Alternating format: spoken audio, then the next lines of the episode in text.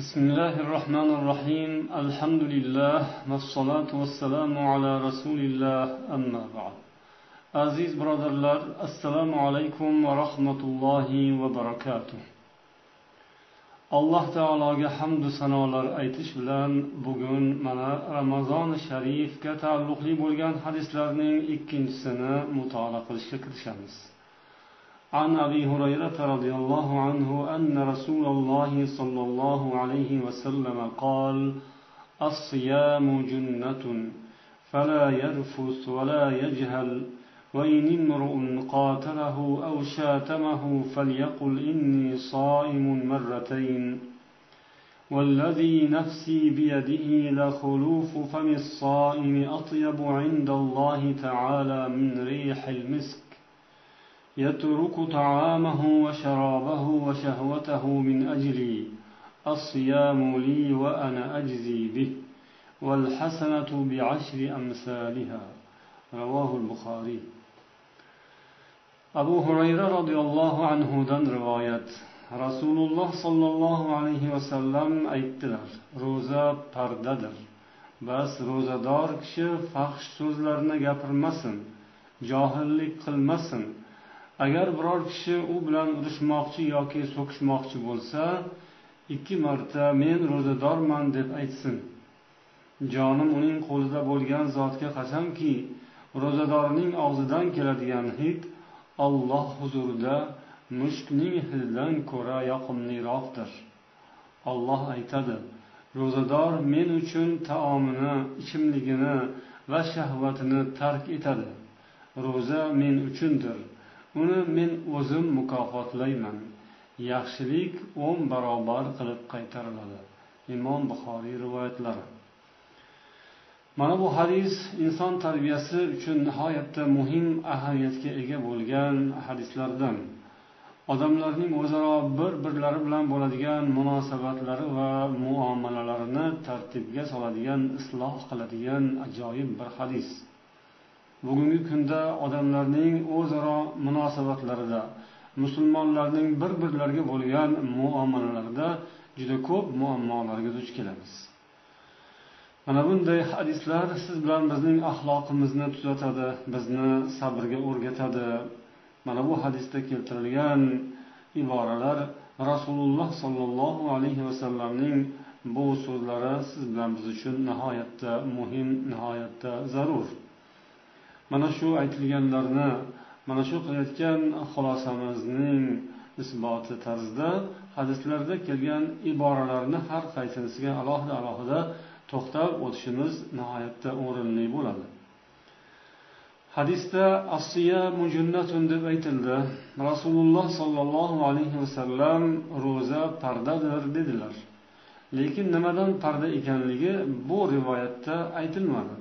ammo xuddi mana shu hadisning yana boshqa rivoyatlari ham bor yana bir qancha muhaddislar jumladan imom nasaiy imom ahmad va boshqalar ushbu hadisni yana boshqacharoq lafzlar bilan ham rivoyat qilganlar jumladan an nasaiy الصيام جنة كجنة أحدكم من القتال degan tarzda rivoyat qilganlar Ro'za sizlarning biringiz jangda o'zini himoya qiladigan qalqon kabi qalqondir yoki pardadir to'siqdir degan ma'no.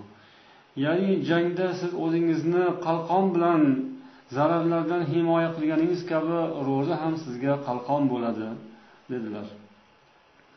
Imom ahmad rivoyatlarida esa junnatun va hisnun hasinun minan nar deb keltirildi. Ro'za pardadir va do'zaxdan saqlaydigan nihoyatda mustahkam qo'rg'ondir dedilar rasululloh sollallohu alayhi vasallam. Imom darimiy asiyamu junnatun ma lam bil g'ibati deb rivoyat qildilar. Ro'za agar uni g'iybat bilan yirtib qo'ymasa bu pardadir dedilar payg'ambar sollallohu alayhi vasallam. Demak ro'za insonni do'zaxdan to'sadigan parda lekin u pardani zararli narsalar bilan inson ishdan chiqarishi xavfi bor ekan. Masalan ro'za og'iz bilan ro'za paytida g'iybat qilishi ro'zasiga zarar yetkazar ekan. Ro'zaning parda deb rasululloh sollallohu alayhi vasallam aytgan ro'zani yirtib qo'yishi mumkin ekan. Olloh asrasin. Qozi iyoz aytadilar mana shu hadisning sharhida ma'nahu sutratun minal asam aw minan nar aw min jami'i zalik. Parda deganning ma'nosi gunohlardan pardadir do'zaxdan pardadir va mana shularning yoki hammasidan pardadir deb tushunilishi to'g'ri bo'ladi deydilar.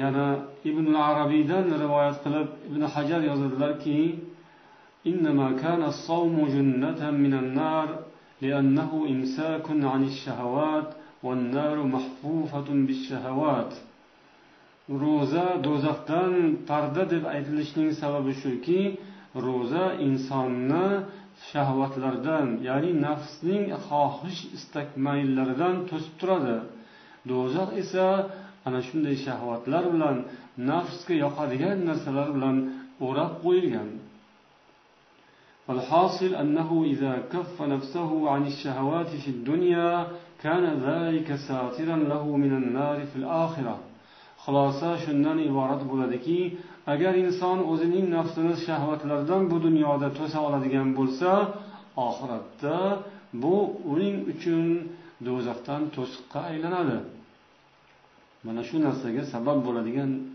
amal ro'za agar inson bu dunyoda ro'zasini chiroyli tutadigan bo'lsa ro'za buyurgandek talablarini bajo qilsa ya'ni nafsini shahvatlardan yeb ichmoq va boshqa ro'zaga xilof bo'lgan ishlardan tiyadigan bo'lsa bu dunyoda ro'za u inson uchun gunohlardan va ko'ngil mayli ko'ngil istagan insonning dili tusagan lekin shariat chegara qo'ygan narsalardan agar ro'za to'siq bo'la olgan bo'lsa ana shu ro'zasi inshaalloh unga qiyomat kuni do'zax azobidan ham to'siq bo'ladi.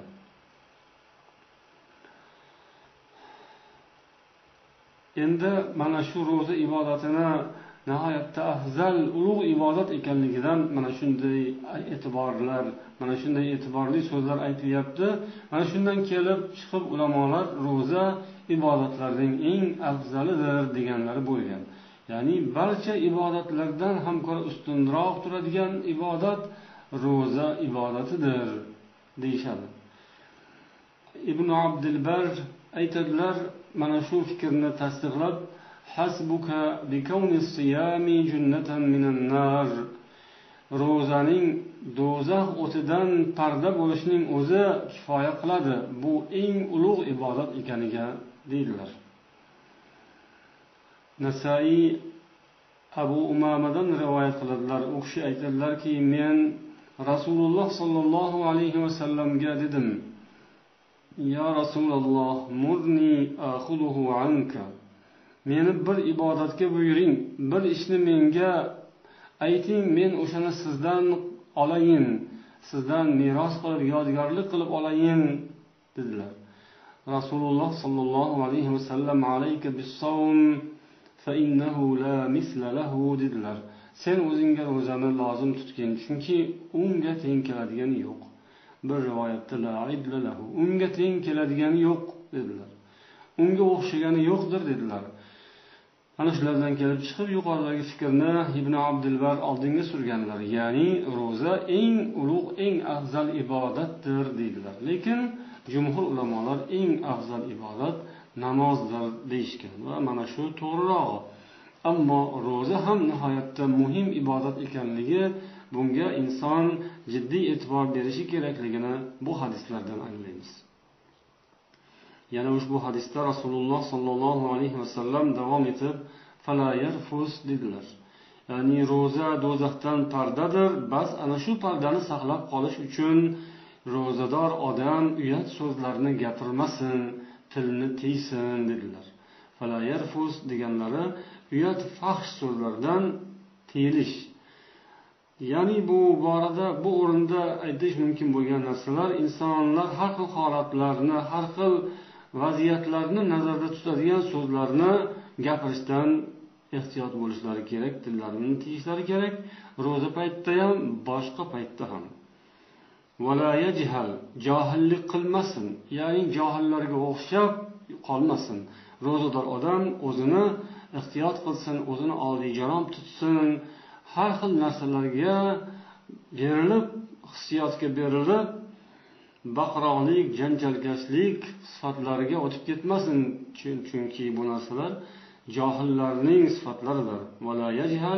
deganlari أي لا يفعل شيئا من أفعال أهل الجهل كالصياح والسفه ونحو ذلك deb yozadilar ibn hajar ya'ni johillik qilmasin deganlari johillarning ishlarini johillarning sifatlari bo'lib tanilgan ishlarni qilmasin ya'ni baqirish yoki ahmoqgarchilik ana shunday narsalardan ro'zador odam o'zini tiysin uzoq bo'lsin قال القرطبي لا يفهم من هذا أن غير الصوم يباح فيه ما ذكر bu yuqorida aytilganlar ro'zadan boshqa paytda sodir bo'lishi joiz ekan degan so'z xulosa chiqmaydi bu aytilganlardan ro'zadan boshqa paytlarda ham yuqoridagi taqiqlangan ishlarni qilish kerak emas ammo ro'za paytida esa bu nihoyatda ta'kidlanadi ro'za mahalida nihoyatda ehtiyot bo'lish kerak chunki buning ro'zasi bor.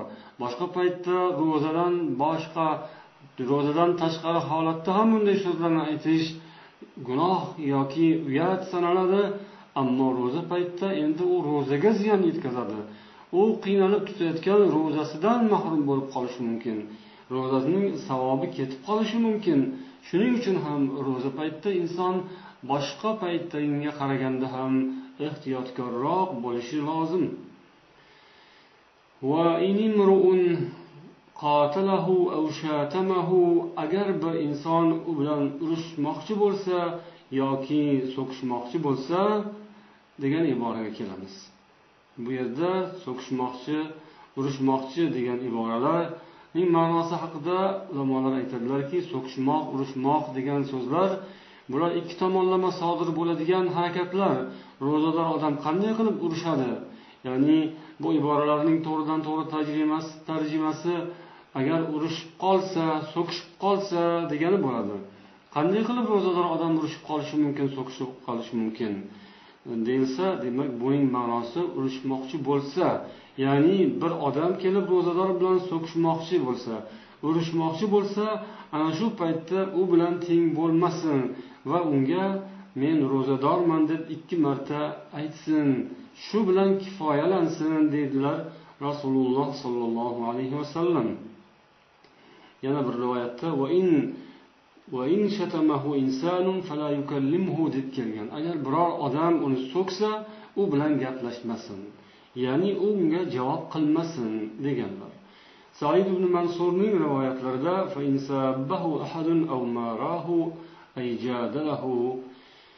ya'ni bir odam u bilan so'kishmoqchi bo'lsa yoki tortishmoqchi bo'lsa bahs munozara qilib tortishmoqchi bo'lsa o'sha ishga kirishmasin. Ya'ni tortishib ketmasin talashib tortishmasin ro'zador holatda. Ibn huzaymaning rivoyatlarida esa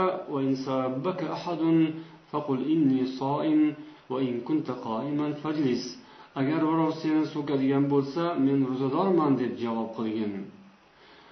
Agar tik turgan bo'lsang o'tirib olgin deganlar rasululloh sollallohu alayhi vasallam ya'ni ro'zador odam ro'zasini hurmat qilishi kerak ro'zasini saqlashi kerak va shu bilan birga u ramazonni ham hurmatini saqlagan bo'ladi. Mana shu bilan insonning insonning tarbiyasi inshaalloh isloh bo'ladi. U odamlar bilan qanday muomala qilishni ramazon oyida o'rganadi o'zini qo'lga olishga o'zini bosishga o'zini o'zi sabrga majbur qilishga o'rgatadi inshaalloh agar haligi so'kishayotgan so'kishmoqchi bo'lgan yoki urushmoqchi bo'lgan odam deydilar shorihlar agar haqiqatan ham urushmoqchi bo'layotgan bo'lsa unda yengilroq yo'l bilan uni daf etish lozim bo'ladi. Agar u odam men ro'zadorman deb aytgandan so'ng ham ana u nodon kimsa yana o'zining ishida o'sha yomon qilig'ida davom etadigan bo'lsa masalan kuch ishlatadigan bo'lsa u bilan urushmoqchi bo'ladigan bo'lsa unday paytda u qilayotgan harakatdan ko'ra yengilroq harakat bilan uni daf etishi mumkin bo'ladi uni to'sishi mumkin bo'ladi. Yana mana shu o'rinda men ro'zadorman deb aytgan aytish kerak bo'lgan so'z xususida ulamolar shunday fikrlarni bildirishadiki bu so'zni kimga aytish kerak? Men ro'zadorman degan so'zni inson o'ziga o'zi aytadimi yoki o'sha ro'baradagi odamga aytadimi degan mavzuda ham bahs bo'lgan فليقل إني صائم هل يخاطب بها الذي يكلمه بذلك أو يقولها في نفسه وبالثاني جزم الرافعي ikkinchisi rofiiy ikkinchisini tasdiq qilganlar ya'ni inson o'z nafsida aytadi o'ziga o'zi men ro'zadorman deb aytishi kerak deganlar ammo imom imom an navoiy esa birinchisini qo'llaganlar ya'ni inson ro'barasidagi odamga aytadi deydilar va yana davomida kullu minhuma hasan har ikkisi ham yaxshi o'rinlidir deydilar والقول باللسان أقوى ولو جمعهما لكان حسن til bilan aytish bu kuchliroq bo'ladi agar har ikkisini jamlasa bu ham chiroyli yaxshi bo'ladi ya'ni o'zining dilida aytib o'ziga o'zi nasihat qilib keyin ro'barasidagi odamga ham aytishi bu o'rinli bo'ladi. Imom zarkashiy mana shu so'zning hikmati haqida fikr bildirib aytadilarki inson avvalo qalbida o'zi uchun aytsin keyin ro'barasidagi odamga aytadi. Ya'ni hadisda ham rasululloh sollallohu alayhi vasallam men ro'zadorman deb ikki marta aytsin deb buyurganlar. Buning hikmati shu. Avvalo o'ziga aytsin men ro'zadormanku axir ro'za oyida turibmanku. Sabr qilishim kerak o'zimni tiyishim kerak deb inson o'ziga aytishi o'zini tiyilishiga sabab bo'ladi. Tilini va qo'lini tiyishga sabab bo'ladi. Ikkinchisi esa ya'ni ro'barasida turgan odamga men ro'zadorman deb ovozini chiqarib aytishi bu u insonning ham tiyilishiga sabab bo'ladi deydilar. Mana shunday qilib bu ro'za ibodati siz bilan biz uchun qay darajada ahamiyatli muhim ekanini agar biz anglab yetsak uni salomat saqlashga ham shunday e'tibor beramiz. Ya'ni bu ro'za pardadir. Jahannam o'zidan to'sadigan parda ekan. Bu pardaga xalal yetkazib qo'yish to'g'ri kelmaydi. Bu pardani yo g'iybat bilan yoki qo'pollik bilan noto'g'ri so'zlar bilan zarar yetkazish u pardani yirtish insonning o'zi uchun o'zi uchun zarar bo'ladi. Uning nafsi ko'ngli ehtimol taskin topadi. Ya'ni unga yomon gapirganga gapiga yarasha javob qilib so'kkanni so'ksa urganni ursa nafsi xursand bo'ladi. E, ko'ngli orom olar dili shu bilan taskin topar ammo bu orada ro'zaga ziyon yetadi. Jahannam bilan orada to'siq bo'ladigan ulug' bir ne'matga zarar yetkazadi. Ana shuni o'ylagan inson demak o'zini tiyadi. Ro'zamga zarar bo'lmasin ramazonning hurmatiga xilof ish bo'lmasin deb o'zini tiyadi va natijada ham ro'zasi salomat saqlanadi ham ramazonning hurmati saqlanadi va ham eng muhim jihatlardan biri insonning nafsi tarbiyalanadi. Ya'ni nafsining so'zga kirib ketaverishdan tiyilishga o'rganadi va inson sabr toqatga o'zini o'zi o'rgatadi va hasmlar bilan ya'ni va xilof fikr aytayotgan yoki uning ziddiga ish qilayotgan so'z aytayotgan odamlar bilan qanday muomala qilishni ham o'rganadi.